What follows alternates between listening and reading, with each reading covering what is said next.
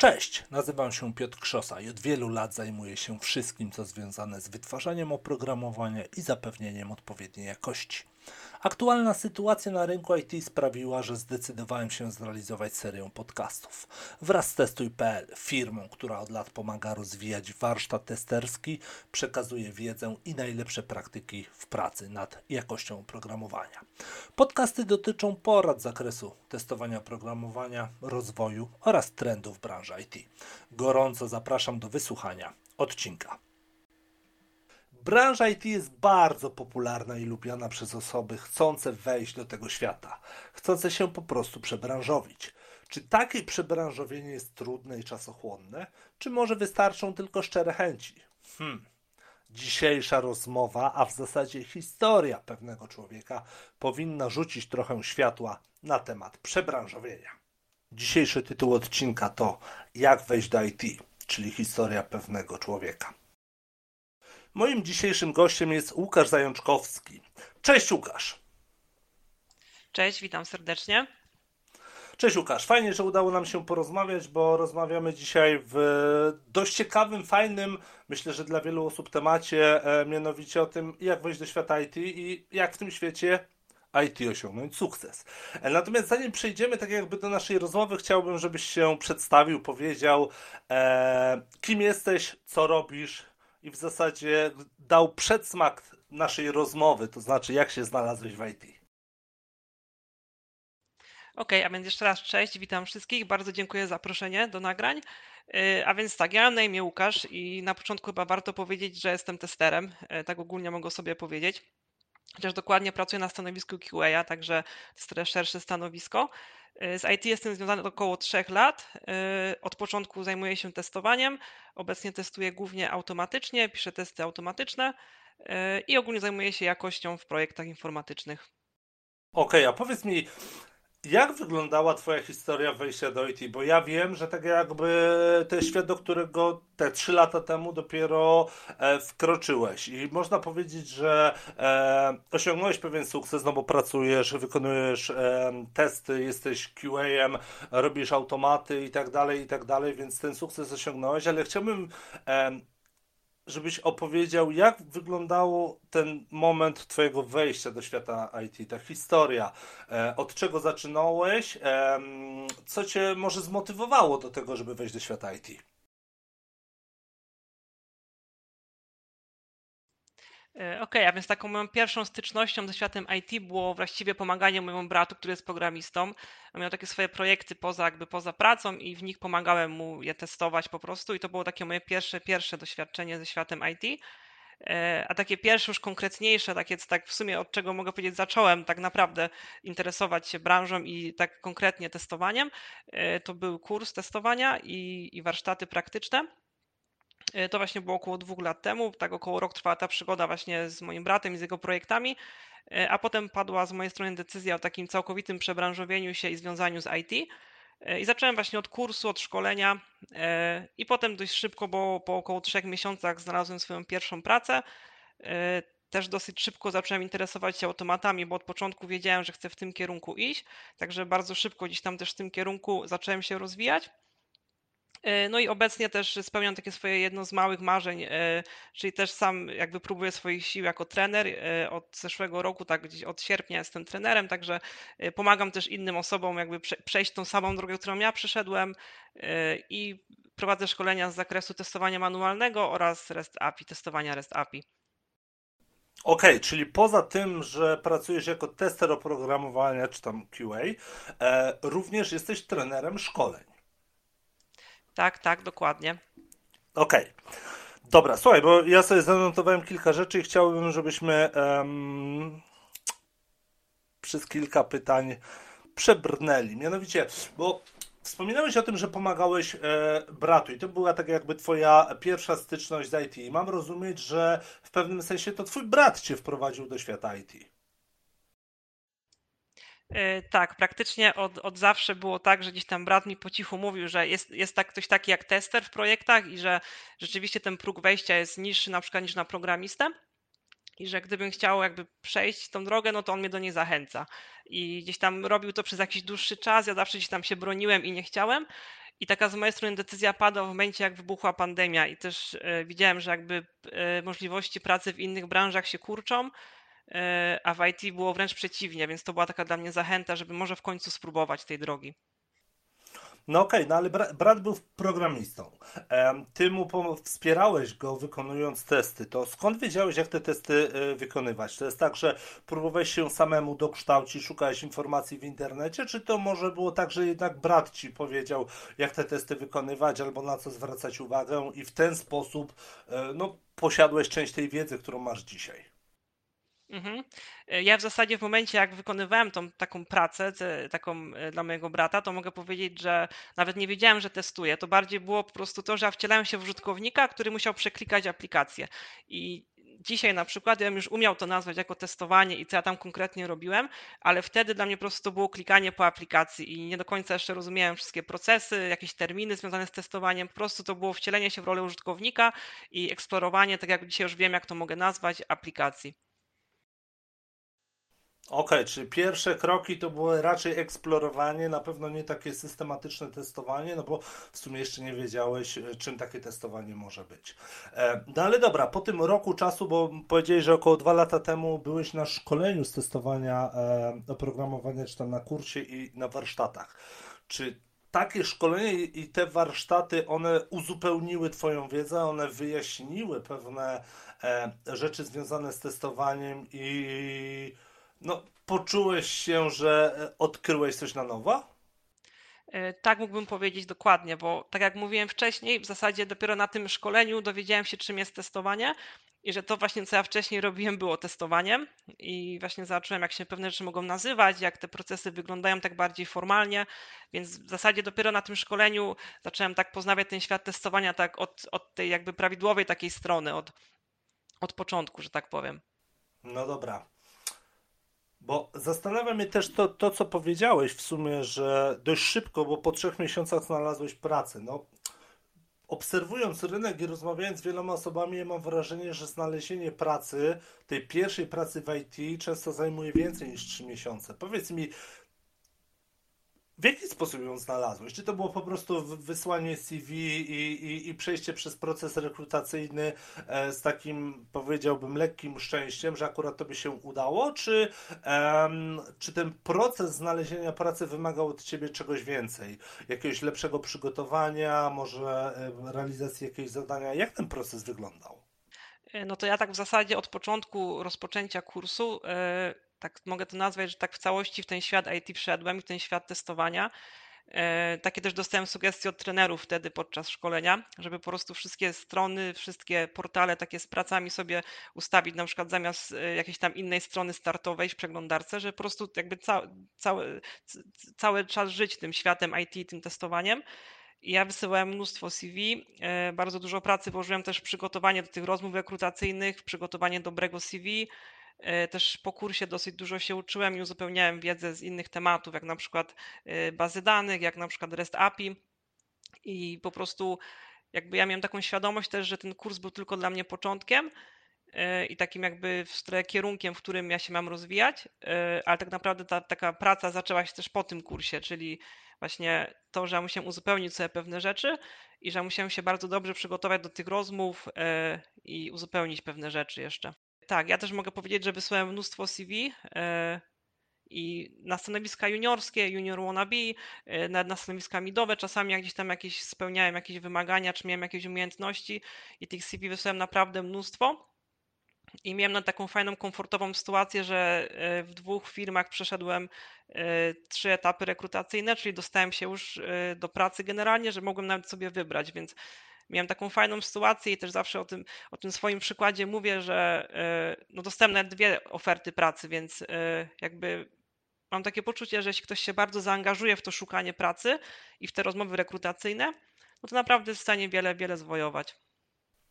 Powiedziałeś w zasadzie kil, kilka takich ważnych z mojej perspektywy e, rzeczy, bo podkreśliłeś nawet dwu, trzy, trzykrotnie, że wysłałeś mnóstwo CV i e, czy byłbyś w stanie podać ilość tych CV-ków, którą tak naprawdę e, wysłałeś? To było 10, to było 50, to było 300?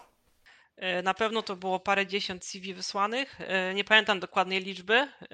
Pamiętam tylko, że pisałem sobie firmy, do których wysłałem, żeby już ponownie tam nie wysyłać, ale tego na pewno było mnóstwo, bo ja szukałem pracy zarówno na portalach takich e, typowo związanych z IT, jak i też z jakichś na przykład grupek facebookowych, bo tam często się pojawiają jakieś takie e, newslettery z ofertami pracy. Oczywiście z LinkedIna także, także tego naprawdę było, tych źródeł było mnóstwo. Okej, okay, dobra, bo wiesz czemu pytam, bo ja, mam takie wrażenie, przynajmniej przeglądając różne grupy, e, różne fora, e, gdzie no, sporo osób próbuje wejść do IT, sporo osób pyta o różne rzeczy, o kursy, o to, gdzie szukać pracy i tak dalej.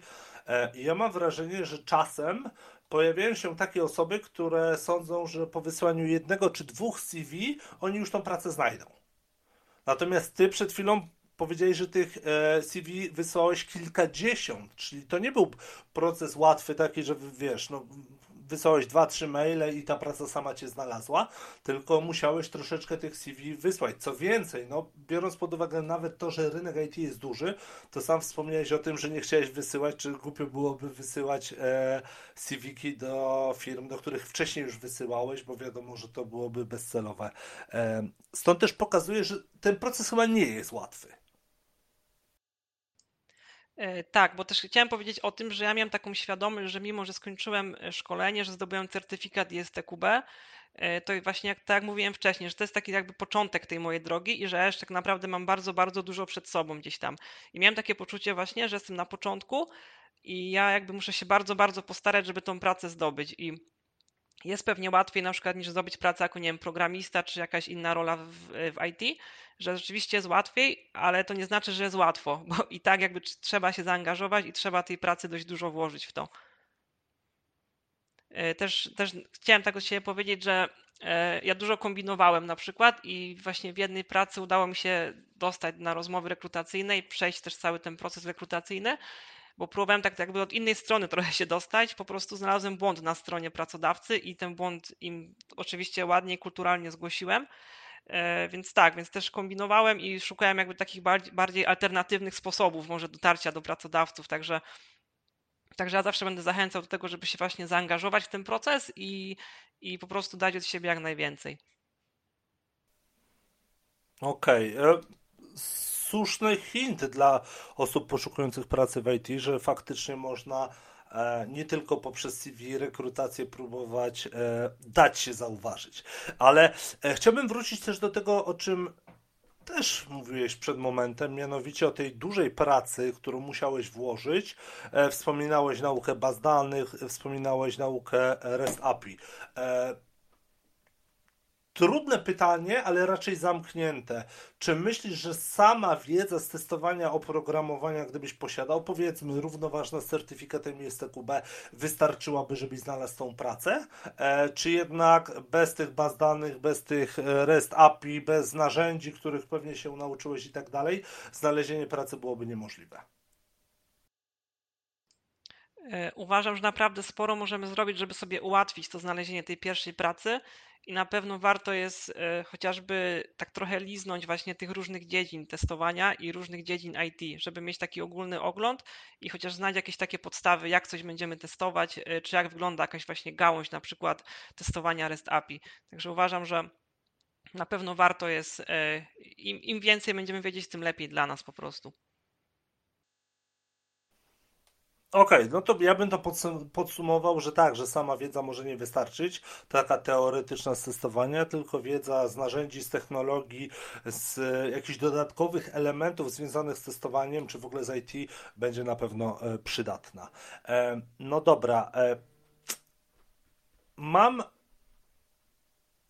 bo chciałbym znowu wrócić do wcześniejszej wypowiedzi e, i mam pytanie, bo mówiłeś o trzech etapach, że udało Ci się tak jakby przejść przez trzy etapy, przez wiele innych etapów nie. E, pytanie takie może bardziej w stronę HR-u. Powiedz mi, czy HR dawał Ci feedback odnośnie tego, na przykład czego Ci brakuje, albo co jeszcze powinieneś się nauczyć, albo dlaczego odrzucają na przykład Twoją kandydaturę. Dostawałeś takie informacje i byłeś w stanie e, z nich wyciągnąć, wiesz, lekcje, nauczyć się tego, o czym Ci napisali, czy powiedzieli, zdobyć to, e, czy też takiego feedbacku nie dostawałeś i w zasadzie trochę błądziłeś? E, w większości dostawałem taki feedback, a jeśli go nie dostawałem, to po prostu o niego też prosiłem, e, bo też wiedziałem, że dla mnie jako osoby takiej na samym początku, to feedback jest jak złoto tak naprawdę i ja bardzo go potrzebuję, żeby cokolwiek się dowiedzieć o tym, e, jak mi odbierają w ogóle inni właśnie, no głównie tutaj rekruterzy czy rekruterzy techniczni. Także zawsze jak tego feedbacku nie było, to ja i tak pisałem maila i prosiłem o feedback, jako że mi to może bardzo pomóc w dalszych krokach. No okej, okay. no dobra. Um, a powiedz mi, bo to też jest w sumie e, no, dla mnie ciekawe, bo zastanawia mnie, co tak naprawdę motywowało Cię do rozwoju w tym IT? Bo znalezienie pierwszej pracy, no to wiadomo, to jest jakiś pierwszy cel, który udało się osiągnąć, ale co motywowało Cię dalej? Bo wspominałeś o automatach, wspominałeś tam o różnych e, narzędziach. E, co było takim jakby dla Ciebie motywatorem do tego, żeby się rozwijać, żeby być coraz lepszym, a dzisiaj osiągnąć status trenera i prowadzić szkolenia? Mhm. E, to ja zawsze uważałem siebie za osobę ambitną e, i miałem taki problem w innych branżach, w których pracowałem, że jakby nie mogłem tym swoim ambicjom dać ujścia tak za bardzo, bo nawet jeśli byłem ambitny w jakiejś konkretnej pracy, to i tak za bardzo albo to nie było widziane, albo jakby po prostu to nie było zbyt istotne. A w IT zawsze mi podobało się właśnie to, że jak ja te swoje ambicje pokazywałem i angażowałem się w swoją pracę, to to było po prostu zauważane i to było też doceniane, zarówno jakby finansowo, jak i też tak po prostu ludzko, tak przez inne osoby w zespole czy, czy przełożonych. E, I to mnie tak na pewno zawsze napędzało. E, też tutaj nie będę ukrywał, że na pewno to, że zarobki gdzieś tam proporcjonalnie rosną e, do tego, jak się rozwijamy, I też na pewno to jest taki aspekt, że po prostu dla mnie IT jest bardzo fascynujące, interesujące. Także dla mnie po prostu każda jakaś nowa technologia, którą poznaję, jest czymś niesamowicie, co mnie po prostu pociąga i, wciąga. Także e, myślę, że takie głównie te trzy aspekty. Dobra, bo ten rozwój on będzie trwał. Sam powiedziałeś, że IT cię pociąga, wciąga, jest dla ciebie interesujące, no, kręci cię. I, i to, to jest zrozumiałe, bo wiele ludzi lubi pracować w IT, bo to jest naprawdę e, mega ciekawy świat z różnymi nowinkami, z różnymi rozwiązaniami, które naprawdę mogą przyciągać. E, natomiast chciałbym cię zapytać o o czas, który poświęciłeś w zasadzie na mm, bycie w tym miejscu, gdzie teraz jesteś. E, wspominałeś o tym roku współpracy z bratem, wspominałeś o tym szkoleniu, ale powiedz mi, e, jak myślisz, ile potrzeba czasu, e, aby zdobyć wiedzę pozwalającą na wejście do świata IT? Jeżeli chodzi o teorię, jeżeli chodzi o praktykę, jeżeli chodzi o narzędzia, może liźnięcie trochę automatyzacji i tak dalej. No bo generalnie myślę, że naszych słuchaczy może zainteresować to, dlaczego e, na przykład nie udało im się jeszcze znaleźć pracy, czego im jeszcze brakuje, albo ile czasu muszą jeszcze poświęcić na to, żeby osiągnąć poziom wiedzy, e, poziom kompetencji pozwalający na wejście do świata IT. Więc e, jak myślisz, ile czasu, albo może ile czasu ty poświęciłeś, e, jak myślisz, ile tego czasu trzeba poświęcić? E, okej, okay, a więc w moim przypadku, tak jak mówiłem, to były około. E, ja, ja zacząłem, rozpocząłem szkolenie w, e, na początku grudnia, a w marcu znalazłem pracę pierwszą, także było to parę miesięcy. Z tym, że miałem to szczęście, tak, tak sobie zaplanowałem też to swoje przebranżowienie, że miałem wtedy całkowicie czas wolny, także mogłem praktycznie się skupić w całości na tym, żeby się uczyć i tam pewne rzeczy sobie szlifować po prostu i jeszcze po kursie e, dodatkowo się czegoś uczyć, także e, tak to u mnie wyglądało. Zdaję sobie sprawę, że nie każdy ma taki ten komfort i często jest tak, że pracujemy jeszcze w starej pracy i się jakby musimy uczyć gdzieś tam po godzinach i wtedy pewnie ten okres jest trochę dłuższy i się wydłuża i to wszystko inaczej wygląda. Ale też uważam, że, że to wszystko jest jakby wykonalne, bo na przykład obecnie też ja mam taką sytuację, że jakby pracuję normalnie w pracy, dodatkowo jestem trenerem, a i tak jeszcze znajduję czas, żeby się innych jakichś rzeczy douczyć, na przykład, które mnie interesują. Także uważam, że e, tu jest ważna taka determinacja i zaangażowanie i no tutaj tak naprawdę, jeśli chodzi o czas, to to zależy po prostu od, od tego, ile my tego czasu właśnie na to poświęcimy i jakie dla nas ważne będzie. No dobra, to inne trudne pytanie w takim razie. Jak myślisz, bo jesteś trenerem, więc spotykasz osoby, które, no tak jak ty parę lat temu, one teraz chcą się przebranżowić. Pokazujesz im świat testowania, e, pokazujesz im, jak wyglądają pewne rzeczy w świecie IT. E, myślisz, że każdy może wejść do świata IT, że każdy może się przebranżowić do IT? E, czy może są takie osoby, osoby którym e, no, po części wiesz, że może się nie udać, albo będzie im bardzo trudno, ze względu na pewne predyspozycje, podejście, nie wiem, brak logicznego myślenia. E, myślisz, że są takie osoby, które nie są w stanie się przebranżowić, albo czy myślisz, że każdy może się przebranżowić? E, to ja mocno wierzę w to, że każdy może się przebranżowić i też myślę, że ja takim trochę przykładem jestem, bo e, no pamiętam, że jak ja się przebranżowiałem, to też tak trochę w sumie miałem takie z tyłu głowy, że kurczę Łukasz, gdzie ty do IT w ogóle? I, i miałem takie coś z tyłu głowy e, i jak dostałem nawet tą swoją taką pierwszą pracę, tak trochę nie dowierzałem, że ja naprawdę tam idę do pracy i miałem poczucie, że pewnie zaraz i tak mnie zwolnią, bo gdzie ja będę w ogóle w IT pracował jako ten tester. Także też jestem takim potwierdzeniem chyba trochę, że, że każdy może. E, pamiętam nawet, że na szkoleniu, na którym właśnie byłem, trochę wstydziłem się przyznać, z jakiej branży przychodzę, bo to była zupełnie inna branża, z innego świata zupełnie. E, I podobnie potem było taki kolejny mój krok, czyli programowanie już i nauka automatyzacji. To też właśnie, też miałem kiedyś poczucie, że to jest takie totalnie nie dla mnie, że ja w ogóle się do tego nie nadaję, bo, bo nie mam studiów skończonych, bo nigdy jakiś super techniczny nie byłem. No ale jak się okazało, jednak też byłem w stanie się tego nauczyć i, i cię normalnie pracuję po prostu i programuję codziennie, także, także no uważam, odpowiadając na twoje pytanie, uważam, że każdy jest w stanie się, się zaangażować po prostu i, i wejść do, do IT. Okej, okay, no to to jest takie dość optymistyczne, no bo jeżeli uważasz, że każdy może wejść, no to Myślę, że e, u wielu naszych słuchaczy e, rozpaliłeś żądzę wejścia właśnie do tego świata IT albo ją wzmocniłeś. Natomiast e, wiesz, że ja muszę teraz o to zapytać, e, z jakiej branży przyszedłeś? Okej. Okay. E, to jest trudne pytanie, bo tych branży było dużo przed IT. E, taką ostatnią, w której pracowałem, to była branża budowlana, byłem monterem rusztowań. Także to była ostatnia moja branża. Wcześniej pracowałem jeszcze w logistyce, byłem spedytorem, e, byłem referentem w biurze projektowym, e, byłem opiekunem zwierząt w schronisku dla, dla bezdomnych zwierząt, głównie psów i kotów. E, także tak, tych branży było mnóstwo. Tak. Strasznie duży wachlarz. E, w zasadzie nawet nie byłbym w stanie, wiesz, jakoś znaleźć e, wspólnych aspektów tych, tych, tych e, twoich wcześniejszych no, prac, więc powiem szczerze, że no wygląda to naprawdę jako wielki sukces, że po tylu tak jakby różnych doświadczeniach udało ci się znaleźć branżę, w której się tak jakby odnalazłeś. Tak, tak. Tak jak mówiłem wcześniej, właśnie ja tak próbowałem siebie w różnych branżach i w każdej, w każdej czuję, że byłem ambitną osobą i jakby chciałem gdzieś tam na przykład piąć się do góry i tam rozwijać, ale po prostu to było mocno utrudnione. I tak właśnie IT było w końcu tą branżą, w której ja poczułem, że mogę dać jakby ujście tym swoim ambicjom, te takie swoje chęci, żeby po prostu się rozwijać.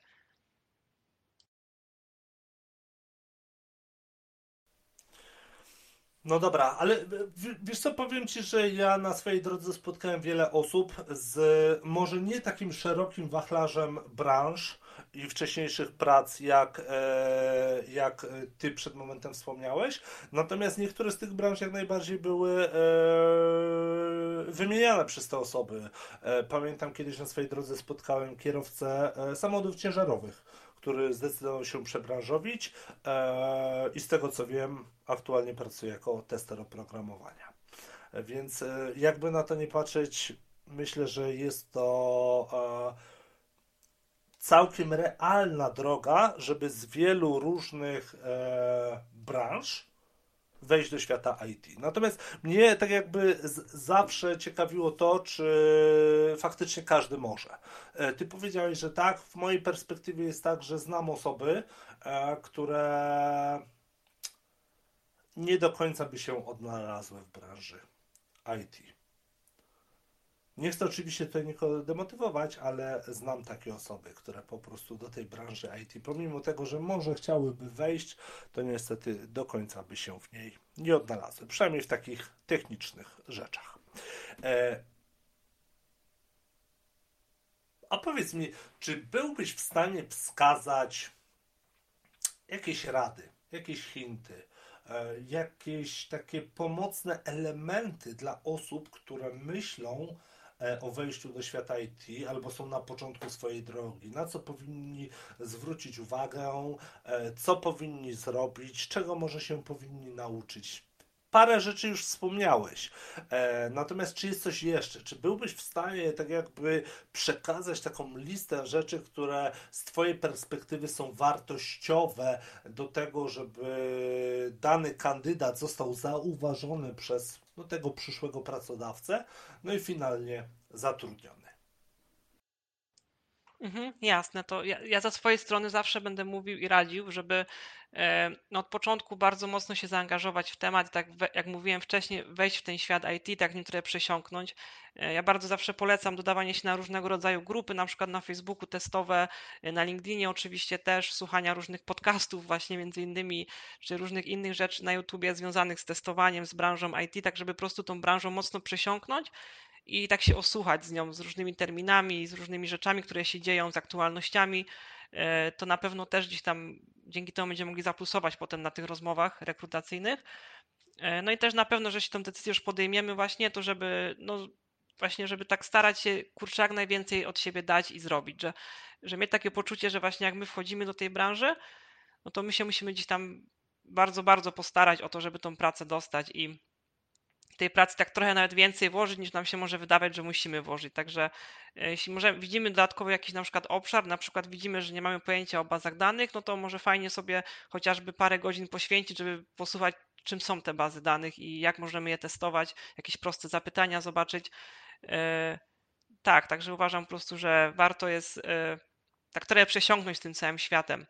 I też właśnie mieć taką świadomość, że mm, jak my na przykład nie mamy na początku jakichś super umiejętności technicznych, no to musimy czymś innym się wybić i zaplusować. Na przykład dla mnie zawsze bardzo ważne było to, żeby zrobić sobie ładne, fajne, estetyczne CV, e, które chociażby właśnie graficznie pokaże, że, że umiemy zrobić ładny CV, że tak naprawdę ono nas reprezentować będzie fajnie e, dobrze zaprezentować na rozmowie rekrutacyjnej, zadbać, nie wiem, o, o, o, fajną kamerkę, o czyste tło z tym, żeby się ładnie ubrać, żeby ładnie się wypowiadać, ładnie zaprezentować się na tej rozmowie.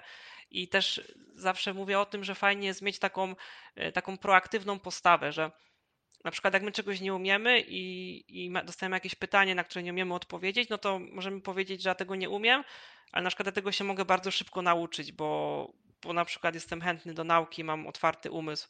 E, także fajnie też, kiedy właśnie nie, nie, mamy tych umiejętności technicznych tak bardzo rozwiniętych, no to chociażby pokazać tą taką proaktywną postawę, że my jesteśmy gotowi się uczyć i mamy świadomość, że my czegoś nie umiemy, ale że my bardzo chcemy się tego nauczyć.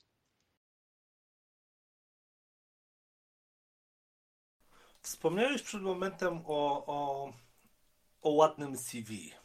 Wspomniałeś też o tym, żeby było ładne tło, czysta kamerka i tak dalej. I jak dla mnie to jest w pewnym sensie jakość tego, jak się prezentujemy. I skoro e, ktoś aspiruje e, do miana testera oprogramowania, stara się o taką pracę, to czy nie jest tak, że po części CV z błędami, albo no faktycznie może brudna kamera, albo złe tło, które e, może świadczyć o różnych rzeczach, może być no taką oznaką tego, że pomimo tego, że ta osoba chce dbać o jakość oprogramowania, e, nie dba o jakość innych swoich, powiedziałbym, e, przedmiotów pracy czy też otoczenia?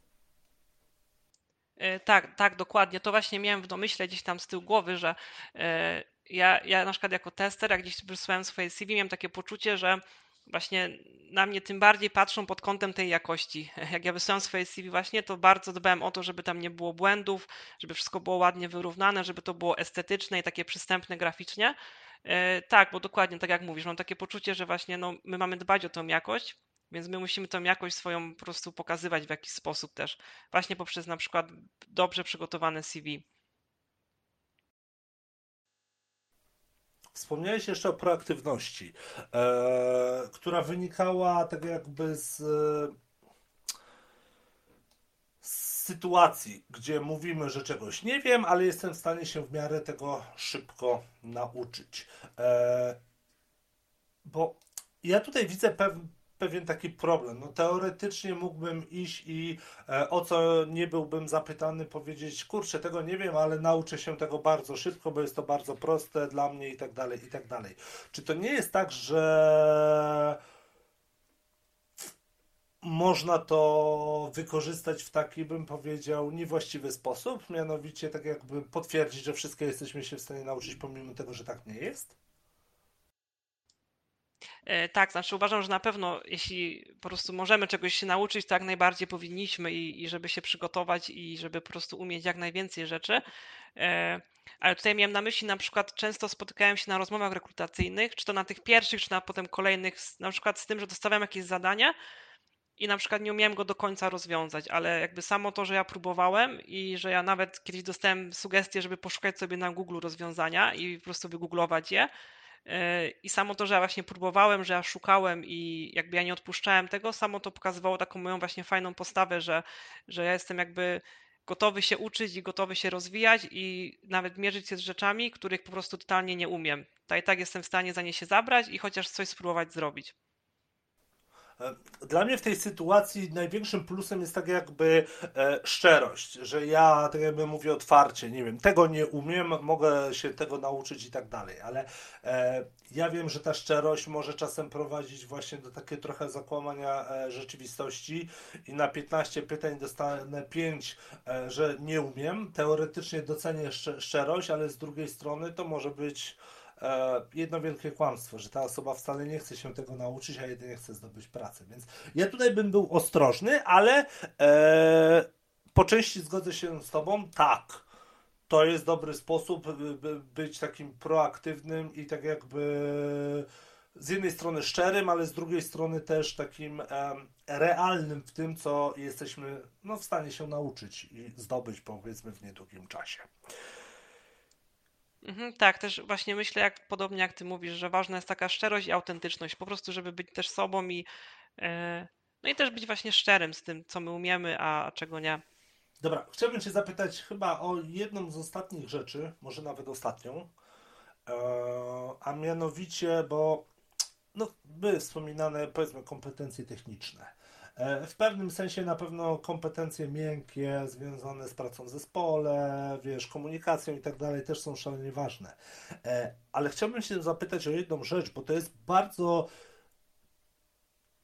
częsty brak u osób chcących się przebranżowić, mianowicie język angielski albo język obcy. Nie zawsze to musi być angielski, czasem e, zaczynamy współpracę z firmą, która działa w innym języku, nie wiem, niemieckim, francuskim i tak dalej, więc nie zawsze musi być to język angielski, ale jednak bardzo często jest to język angielski.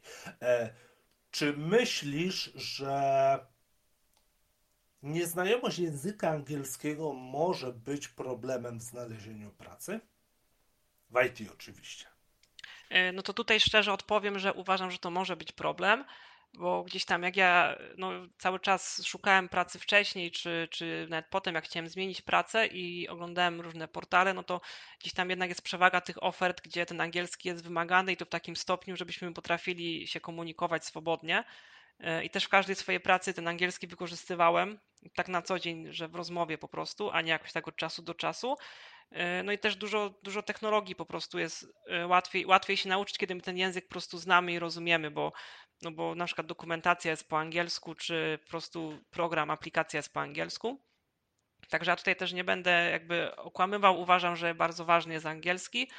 I nawet teraz mam kolegę, który też właśnie mnie zapytał, że chciałby spróbować swoich sił w testowaniu i od czego ma zacząć. E, no i właśnie powiedziałem mu, że jeśli nie umiesz angielskiego, no to zacznij od tego po prostu, bo e, w moim odczuciu ten angielski jest takim czymś, no, co nam może bardzo, bardzo ułatwić, e, jeśli nawet w ogóle nie, że umożliwić wejście do, do IT.